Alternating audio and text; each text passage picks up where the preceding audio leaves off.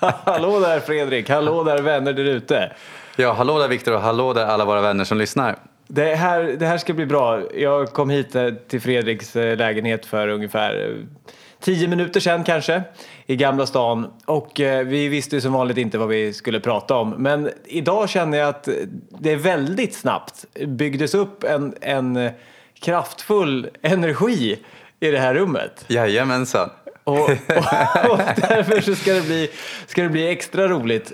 Vi, vi har ju rubriken här, när självutveckling går till överdrift. Vad menar vi då egentligen? Ja, det, det ska bli spännande att berätta mer om och vi är ju presenterar ju oss själva, i alla fall jag som liksom nördigt intresserad av personlig utveckling. Och det har ju tagit mig rätt långt i mitt mentala arbete får jag ändå säga.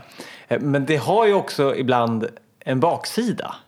Och kanske att vi ska prata lite om vad som kan hända i, i baksidan, på skuggsidan av eh, när man är väldigt nördig. Och Motsatsen väldigt, till solsidan. Liksom. Exakt, när man går väldigt långt mm. eh, med sina idéer. Vad, vad, vad tänker du på? Ja, men jag tänker ju på en grej som vi har ju sagt väldigt mycket det här att det blir som det blir. Det är likadant med människor som antingen så lyssnar människor på podden eller så gör de det inte. Och det spelar ingen roll. Ja, typ att, eh, vi sa ju det när vi började, att mm. de som ska lyssna på oss, de får hitta till oss. Och om, om det så bara är två personer som, som lyssnar så är vi glada för det, för vi tycker att det här är kul. Typ mm. att allt som är meningen ska hända händer. Och det fantastiska är att vi har ju haft många trogna lyssnare och vi har väldigt många lyssnare. Vi har haft det från början som är trogna oss. Men då har det blivit en passivitet istället. Ja, men fasken, om jag kommer på en idé hur jag kan göra så fler människor får ta del av våra budskap då blir det en passivitet om jag säger så att nej, men de ska hitta till oss. Jag får inte, alltså det, det blir ju galenskap. Men jag skulle nog säga, vi använder det uttrycket ibland, jag tycker det är väldigt bra, att, att en svaghet är en överdriven styrka. Mm. Och jag skulle vilja säga en, en absolut styrka som, som både du och jag har, och jag ska ta det ur mitt eget perspektiv och så får du välja själv om vad du vill ta upp. Men mitt perspektiv är att eh, exempelvis om eh, du är, du är väldigt generös med att eh, om jag skickar ett sms och säger nej men shit jag, jag känner mig nog inte riktigt inspirerad idag. Då kan du bara säga nej men allt, allt är som det ska liksom. Du lägger aldrig någon, någon skuld på mig för det. Eh, och det här är någonting som, som jag också är bra på. Så när människor är försenade eller sådär så är jag bara så nej men det är lugnt, du, du, du, får komma när du vill och om, om någon ställer in i sista sekunden är så här, ja men det var säkert meningen och så. Och i i 85 procent av fallen, bara för att inte säga 9 av 10 som man, som man brukar göra. Ja. I 85 procent av fallen, eller kanske 9 av 10 då, så, så, så gör jag mig själv en tjänst genom att inte brusa upp över att någon annan exempelvis är sen eller ställer in eller du vet att inte påpeka, att inte göra mig arg för att den personen har kanske upprepade gånger ett mönster av att inte riktigt respektera våra tider. Mm. Men den tionde gången, det är därför man säger nion, nio, nio av tio och inte den, nio, ja. den nio och en halvte, hälfte gången eller vad det kan heta. Så kanske det är rätt att säga, hörru du, nu, det här är inte okej okay längre. Du ställer jämt in. Du ställer till ett problem för mig genom att aldrig hålla vad du lovar. Exempelvis. Mm. Och, och då handlar det om att den personen mår förmodligen bra av att någon talar om det här för den. Även att om bara... det inte är det, det som tar sig uttryck just då. Precis. Så att det kan vara bra att säga ifrån ibland för, för ens egen skull och då märker man oftast att shit, det här var exakt vad den personen också behövde. I bästa fall så tackar den personen en. Det kan mm. vara ett exempel på att det är inte alltid den här allt, allt som är meningen händer, mm. det är bra. Häng, häng, sitt hemma och vänta på att allt kommer till ditt rum. Liksom. Det är inte alltid det funkar jag har ett, ett, roligt exempel på det. det är ju, jag har en kompis som driver en kursgård och de jobbar ju jättemycket med personlig utveckling. Då. Och då hade han anlitat ett företag som skulle sköta telefonsupporten, du vet när folk ringer in och bokar tider. För han har väldigt många gäster liksom. Men då hade det blivit något fel. Så att ja, det tutade upptaget extra länge, jag kommer inte ihåg vad det var. Men då var det ju så många som bara det var meningen att ingen svarade just då så därför ska inte jag åka dit. Jaha, och så de som ringde? I det. för det tog för lång tid eller vice versa liksom. Och han bara så här, men vad? det var fel på telefonen liksom. Du vet, så här. Just det, så att kanske då det här exemplet som du ger belyser att just inom personlig utveckling och kanske lite så här lite andlighet och, och sådär att där kanske det är extra vanligt med den här inställningen att eh, nej men om, om, eh, om jag inte om ingen svarade just då så var det nog meningen att jag inte skulle komma fram. Mm.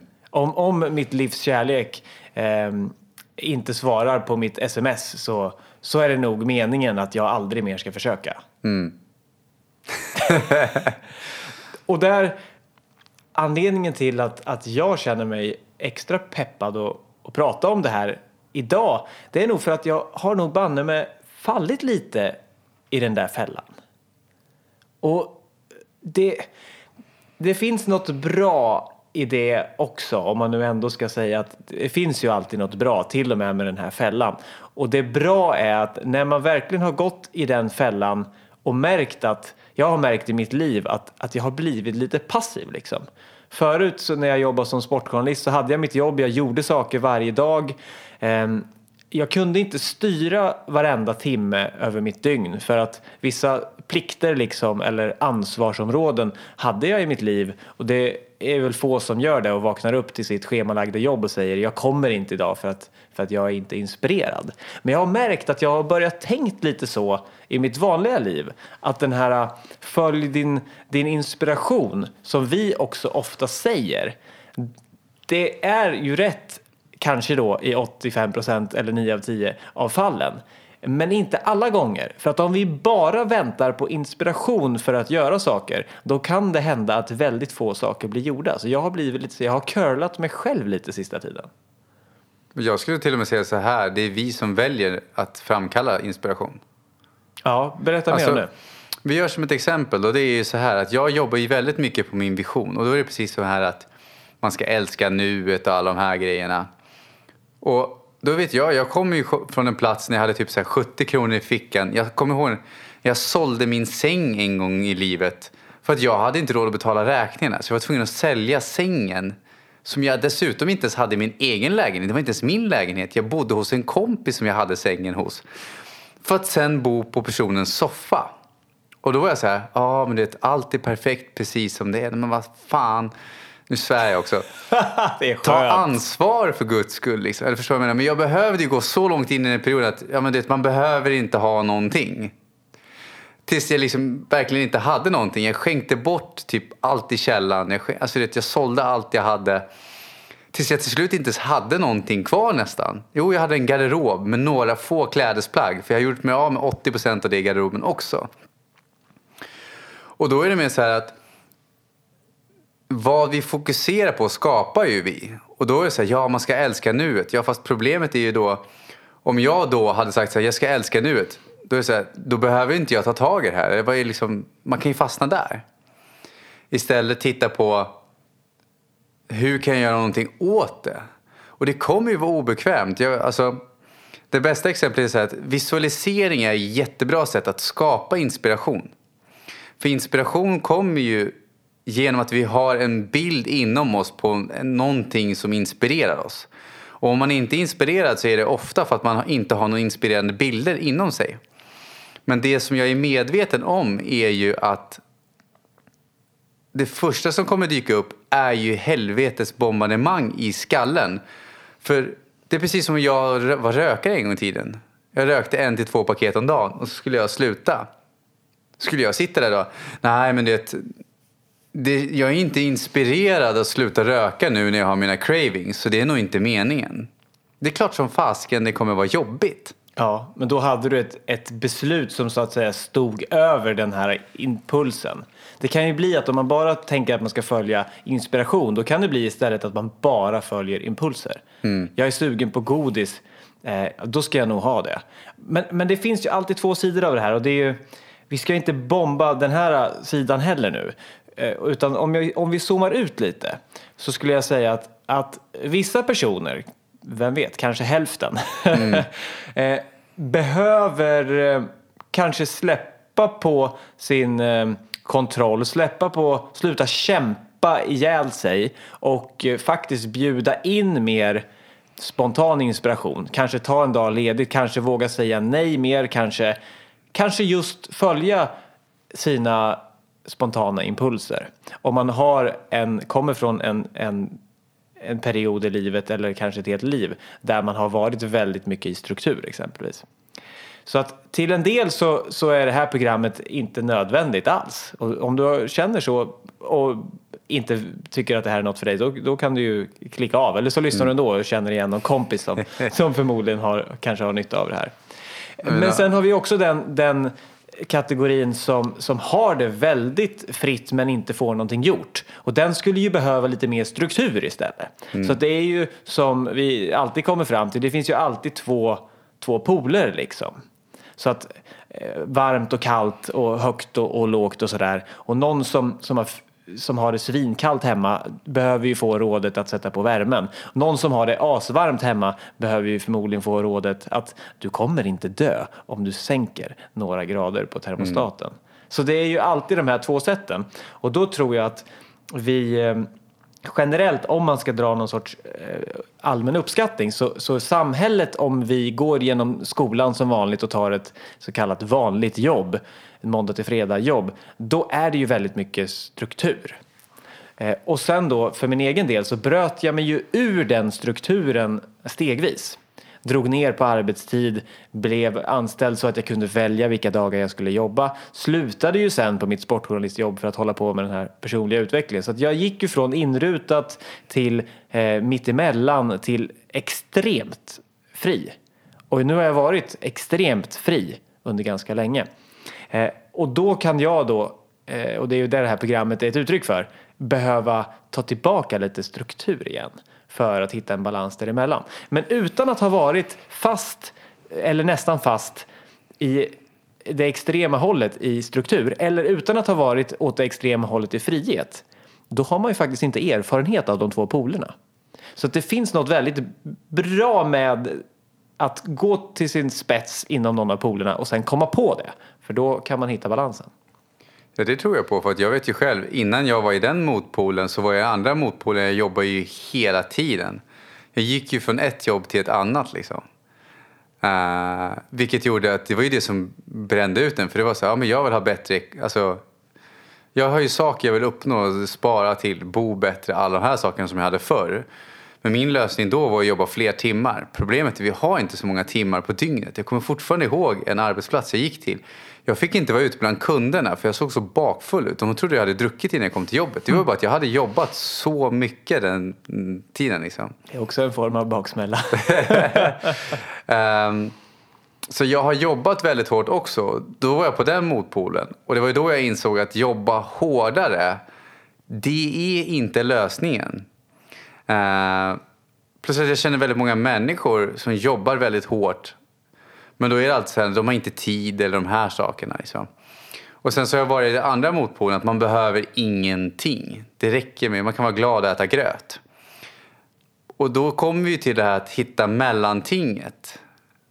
Hitta balansen, den gyllene medelvägen som man ibland pratar om i gamla visdomstraditioner. Ja. ja, det ligger verkligen någonting där i den gyllene medelvägen. Och det, det, det är bra med, med det här perspektivet att livet är ett lärande som, som jag tycker väldigt mycket om och som personlig utveckling flaggar ofta för. Det är ju att, att komma på då att shit, nu har jag faktiskt dragit den här friheten till överdrift. För mig så är det en glädje faktiskt och det säger jag inte nu bara för att, för att man måste vara glad här för att vi pratar om Lyckopodden utan jag blir glad när jag ser mina obalanser. Det blir jag också. Då kan det, man göra någonting åt dem. Ja, det, det, är faktiskt underbart och det är därifrån den här energin kommer. Och en annan grej då som, som också en del personer som bara gör tråkiga saker och tycker att livet är ett, ett straff liksom. De behöver ju höra att fundera lite mer på vad du tycker är roligt att göra. Men, men jag kanske har dragit det här lite långt också. Att jag, jag vill bara, bara göra jag har gett så många människor rådet att göra vad de vill. Så att jag har hamnat kanske lite grann i, i inte i kaklet, men alltså det, var, ja, det är nog uttryckt, alltså inte ända bort i motpolen. Men jag har haft en tendens att, att dra mig, att göra saker som jag, som jag vill bara. Vilket har ju skapat ett motstånd till att göra saker jag inte vill. Och det är där jag själv insett att då kan vi inte lära oss någonting nytt. För det är inget kul att göra det vi inte kan. Nej. Och vad, varför vill jag... Eh, den här friheten då kan man ju säga. Om man har skapat ett liv, om jag har skapat ett liv som har en väldig valfrihet hela tiden. Att kunna välja vad jag vill göra i princip varje dag. Och så, jag har ju skapat det för att jag tycker om friheten så mycket. Och den som har ett väldigt inrutat liv har ju skapat det för att de någonstans finner någon form av trygghet i att ha ett uppstyrt liv. Och om man har ett uppstyrt liv, eh, då skapar det förmodligen en rädsla för att ha ett lite slappare liv, ett lite mer luftigt liv. Och om man har ett väldigt fritt liv, då skapar det till slut en rädsla för att strukturera sig. Så den som älskar frihet lite för mycket blir rädd för allt annat. Och rädd för att fri förlora sin frihet. Och då är man ju inte fri. Och den som älskar struktur och trygghet lite för mycket, den, den är ju inte heller fri för då blir den rädd för att förlora Då sin tappar den trygghet. kontrollen där. Precis. För den försöker ju få kontroll genom strukturen och till slut tar kontrollen över personen. Alltså, Ja. Så, så vänner där ute, det har ju säkert redan dykt upp men vilket, vilket håll drar du mest åt? Eller har du kanske en balans där i mitten? Och det är väldigt lätt, och det säger jag också av egen erfarenhet, känns som ett riktigt så här tala ut, eh, tala ut avsnitt. Det är väldigt lätt att man i de här situationerna börjar analysera sin eh, partner eller sin mamma eller någonting istället för att tänka på sig själv. Hur är det för dig? Och då kan vi komma till det här med projiceringen. Att vi pratar ju om att allt handlar om oss. Ingen kan göra oss upprörda. Och då skulle jag säga så här att det är sant med en touch som jag själv fått lära mig. För då har jag varit så att allt handlar om mig. Och det har, jag skulle säga så här, jag är väldigt tacksam för det. För jag har lärt mig så mycket om det. Det var ju precis som en gång i tiden så umgicks jag med väldigt mycket negativa människor. Jag har umgåtts med människor som hållit på mycket med droger, med alkohol, eh, brottslighet, sådana saker. Och då skulle ju man kunna säga så här att ja, du blir som de du umgås med mest. Men det jag fick lära mig var du är den du umgås med mest. Försök inte byta ut de andra först. För att det, och det kommer från en erfarenhet. Jag kommer ihåg när jag satt i fängelse en gång. Det har jag berättat om i ett tidigare avsnitt. Då träffade jag på människor som absolut inte ville vara kvar. De till och med flyttade till en ny ort. Men ändå drogs de till samma umgängeskrets.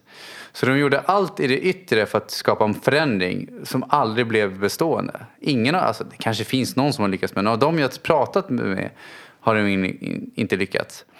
Istället tittade jag inåt. Okej, vad, är det, vad är det jag tänker som gör att jag ens trivs, har trivts med de här människorna? För om man tänker sig att alla runt omkring mig är negativa så är det så här, varför, men varför umgås du med dem då? Och varför umgås de med dig då? Om de alla är negativa, då betyder det att ni har en sak gemensamt. Det har jag haft stor nytta av. För då har jag tittat på mig själv och rätt ut de sakerna som har med mig att göra. Men vid tillfällen har jag dragit det så långt att jag kanske umgåtts med människor då och då tänkte istället så här, jag behöver inte byta ut någon, jag ska lära mig hantera alla istället. Där hamnade jag. Vilket gjorde då att jag umgicks så länge med vissa människor och så sa jag, de lyssnar inte på mig. Och då, gjorde vi, då blev det så här, jag lyssnar inte på mig. Varför lyssnar inte jag på mig? Jo, för mitt inre säger egentligen att jag borde inte vara här, men jag lyssnar inte på det. Jag är kvar och uthärdar det. Mm. Ja, för det, där kan jag, det där är ju en, en sån möjlig fälla. Att det, lig, det är ju sant att vi behöver undersöka i oss själva varför vi reagerar på någonting. Och eh, det är ju också sant att egentligen så finns det ju ingenting som kan såra mig om inte jag tillåter det så att säga. Men å andra sidan, när, när man har gjort den den undersökningen inom sig själv och kommit fram till att ja, ja, men jag, jag kan nog gå vidare här trots att Fredrik sa något taskigt för jag, jag kan lära mig och jag kan smälta det själv. Det betyder ju inte att jag ska tillåta att du säger en massa taskiga saker.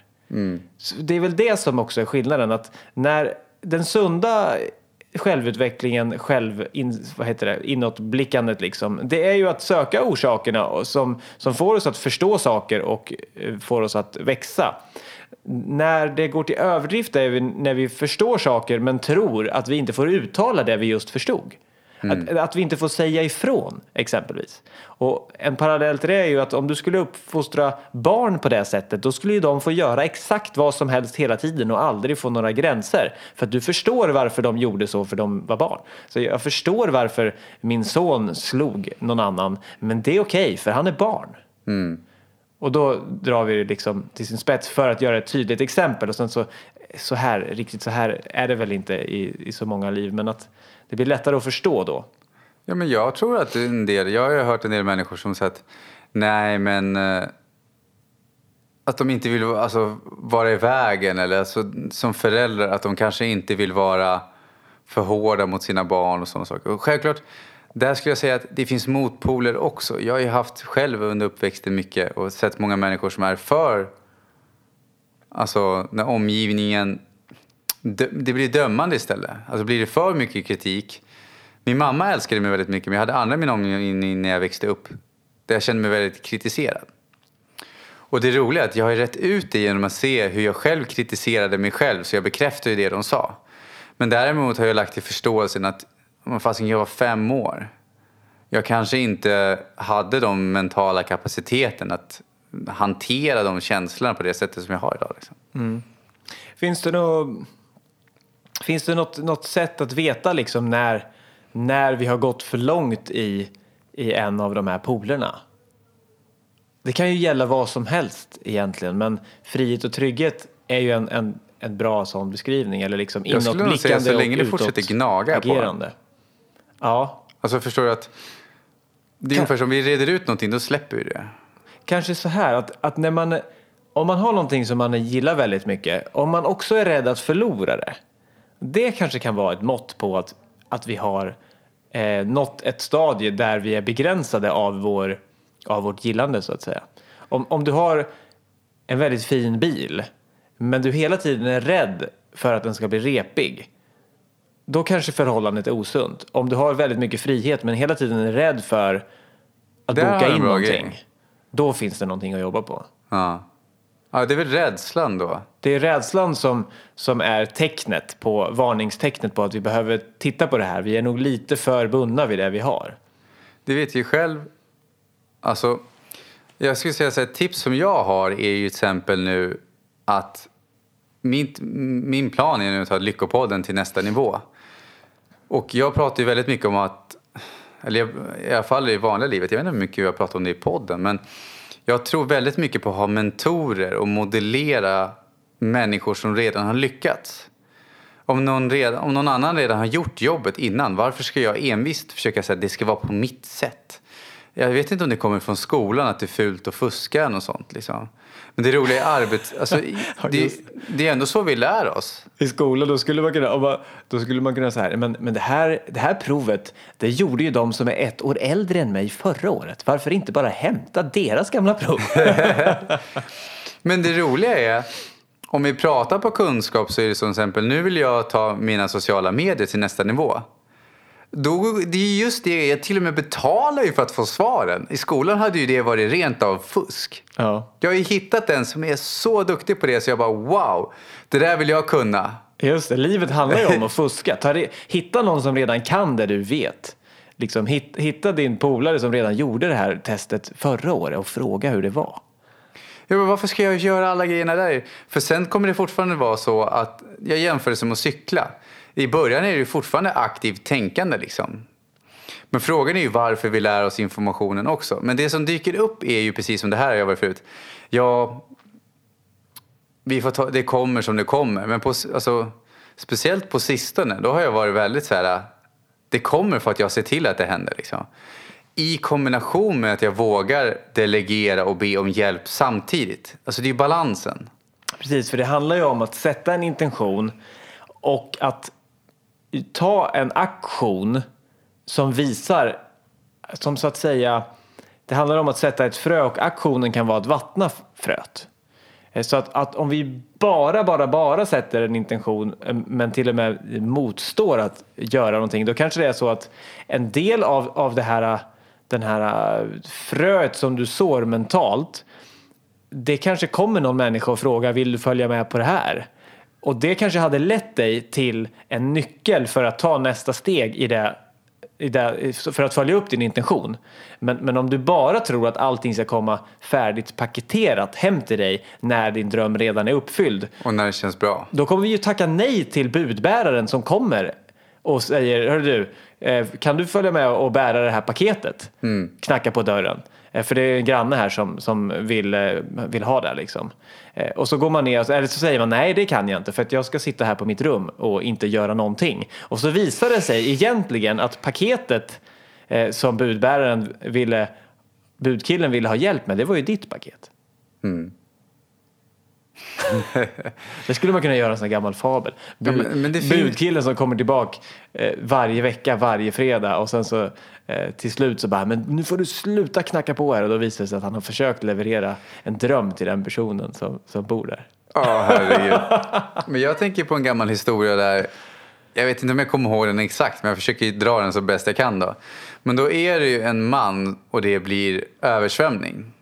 Så vattnet börjar stiga kring huset, alltså det är så här ordentligt. Eh, sådana vi typ sällan, jag vet inte om vi har haft sådana i Sverige.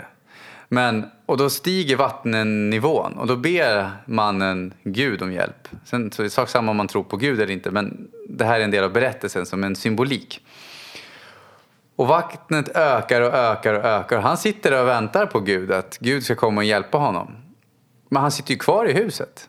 Så vattnet stiger så mycket så till slut så måste han klättra upp på taket men han vägrar lämna huset liksom. Mm. För Gud ska ju hjälpa mig. Och då kommer någon, när vattnet kommer tillräckligt långt så kommer en sån här livräddningsbåt åkande så högt i vattnet upp. Bara, ska du med på båten? Nej, nej, nej, nej. Jag ska sitta kvar här för Gud ska hjälpa mig. De bara, ja, ja. Och så åker de liksom. Och så går det vidare. Och vattnet stiger mer och mer och till slut så kan, finns det liksom, står han där på takpannorna på toppen och det finns knappt någonting kvar när en helikopter kommer förbi och ska rädda honom och bara “Ska du med?” Nej, nej, nej, nej. Gud ska rädda mig så att jag behöver inte åka med helikoptern. Och som sagt så... jag förstår vart det här ska mynna ut. Han drunknar ju. Och så kommer han till Sankte Per i himlen. Det är väl han som möter i himlen tror jag. Ja, vi säger det. Ja, i den här storyn i alla fall. Och så säger han så här, varför räddar ingen mig? Och bara, men herregud. Alltså först skickar vi en båt, sen skickar vi en helikopter. Vi skickar dig signaler innan om att du kunde åka hemifrån innan översvämningen hade blivit så stor. Vi har ju skickat hur mycket grejer som helst, men du sa ju nej till alltihopa liksom. Ja, han valde det. Mm. Det finns en annan sån där indisk eh, om en pojke som håller på, det kommer en elefant emot honom liksom och sen så är det olika så här, du flyttar du kommer ju bli ihjältrampad av elefanten liksom. Och då är det också den där, han väntar på att att Gud ska, ska hjälpa honom och så, så blir han ju i princip trampad och får frågan varför flyttar du dig inte liksom? Och det var ju det för att han, han väntar på Gud men Gud fanns i form av alla som försökte rädda honom och säga spring härifrån, gå därifrån, ur vägen. Ja. Så det, ja, eller så tar man den nya med budkillen.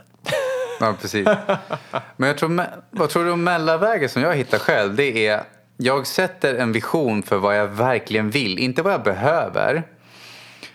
Och sen så jag visualiserar dagligen, det är ett av sätten jag har lärt mig framförallt i Thinking Rich, hur man skapar inspiration. Det är ju om att visualisera en bild du först inte tror på, men du vill alltså ska vara verklighet. Mm. Och du visualiserar den varje dag och försöker hela tiden lägga in känsla. Och det är så bygger du tro. Men det tar två, tre månader för en bild att bli så trovärdig om du skapar någonting helt nytt som skiljer sig från din vardag. Det är precis som att gå till gymmet.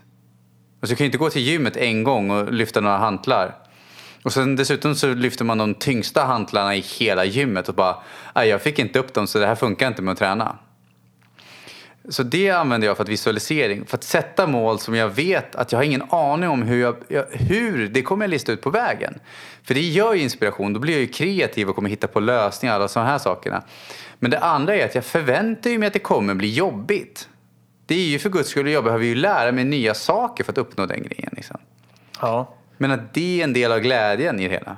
Ja, men jag, jag tror också på det. Ehm, just det här med att sätta mål eller ha vision. Just vision gillar jag. Att, att sätta en vision och sen så lilla stegets eh, kraft eller vad vi hade ett program som heter. Att, att inte hela tiden stämma av, okej, okay, är jag framme nu? Har jag, har jag uppnått min vision? Utan mera i, i varje stund så ofta som vi kan komma på vad kan jag göra idag som tar mig i rätt riktning mot min min vision. För att om vi sätter upp ett, ett, ett mål, då finns ju risken att det bara är målet som gör oss glada och då blir vi ju glada när vi uppnår målet men sen så, så finns ju ingenting där efteråt och vi kanske tenderar att inte ens vara glada på vägen dit om det är målet i sig. Så här, ingenting är kul förrän, förrän jag är där. Men om vi har en vision och så tar vi vara på varje dag fram till dess, då, då känner vi den här glädjen av att vara på väg. Liksom. Men samma sak är det med mål. Ja, ju- det är väl egentligen bara, det beror på vad man lägger i orden mål och vision. Alltså jag skulle säga mål, vision, alltså mätbart inte. Det får gärna vara mätbart för då vet man ju att man har kommit dit. Då kan man ju sätta nya mål. Ja, Men jag skiljer på jag, varför jag sätter mål inom områden. Vi gör som ett exempel då. Ett mål som skulle vara att gå sidledes för mig det är att jag säger så här, jag vill ha en ny telefon. Men Jag, har ju redan, jag vet ju redan när jag skaffar en ny telefon. Jag behöver ju inte göra någon... Alltså jag behöver ju inte växa som människa på något sätt för att köpa en ny telefon. Men däremot till exempel, låt säga som att jag vill lära mig... Jag är less på att jag inte får mikrofonen att funka. Jag måste ta hjälp av en ljudtekniker. Då är det någonting jag inte vet hur jag ska uppnå. Men då ser jag att då behöver jag växa som människa. Jag har ett mål så att jag har en tydlig riktning och det är mätbart. Men jag vet att det är resan som gör mig lycklig. Det låter ju hur klyschigt som helst nästan. Men det är hur vi växer, hur vi lär oss nya saker. Det är det som, ger oss, som väcker oss till liv liksom. ja, precis. Det är inte att uppnå målet i sig utan att, att växa genom de utmaningar du ställts inför för att nå dit. Så man kan ju egentligen säga att det spelar ingen roll alls vad, vad själva målet eller visionen går ut på. Bara du vill det tillräckligt mycket för att vara beredd att möta alla de utmaningar som du kommer eh, ställas inför. Det är som att universum, eller vad man nu säger, eh, säger så här, det spelar ingen roll, gör bara det du har lust med. Eh, för att om du är tillräckligt intresserad av det så kommer det göra att du fortsätter att söka lösningar när du stöter på problem och det är där vi utvecklas. Så när man säger så här, gör det du älskar. Det brukar jag själv säga och jag får höra många säga det.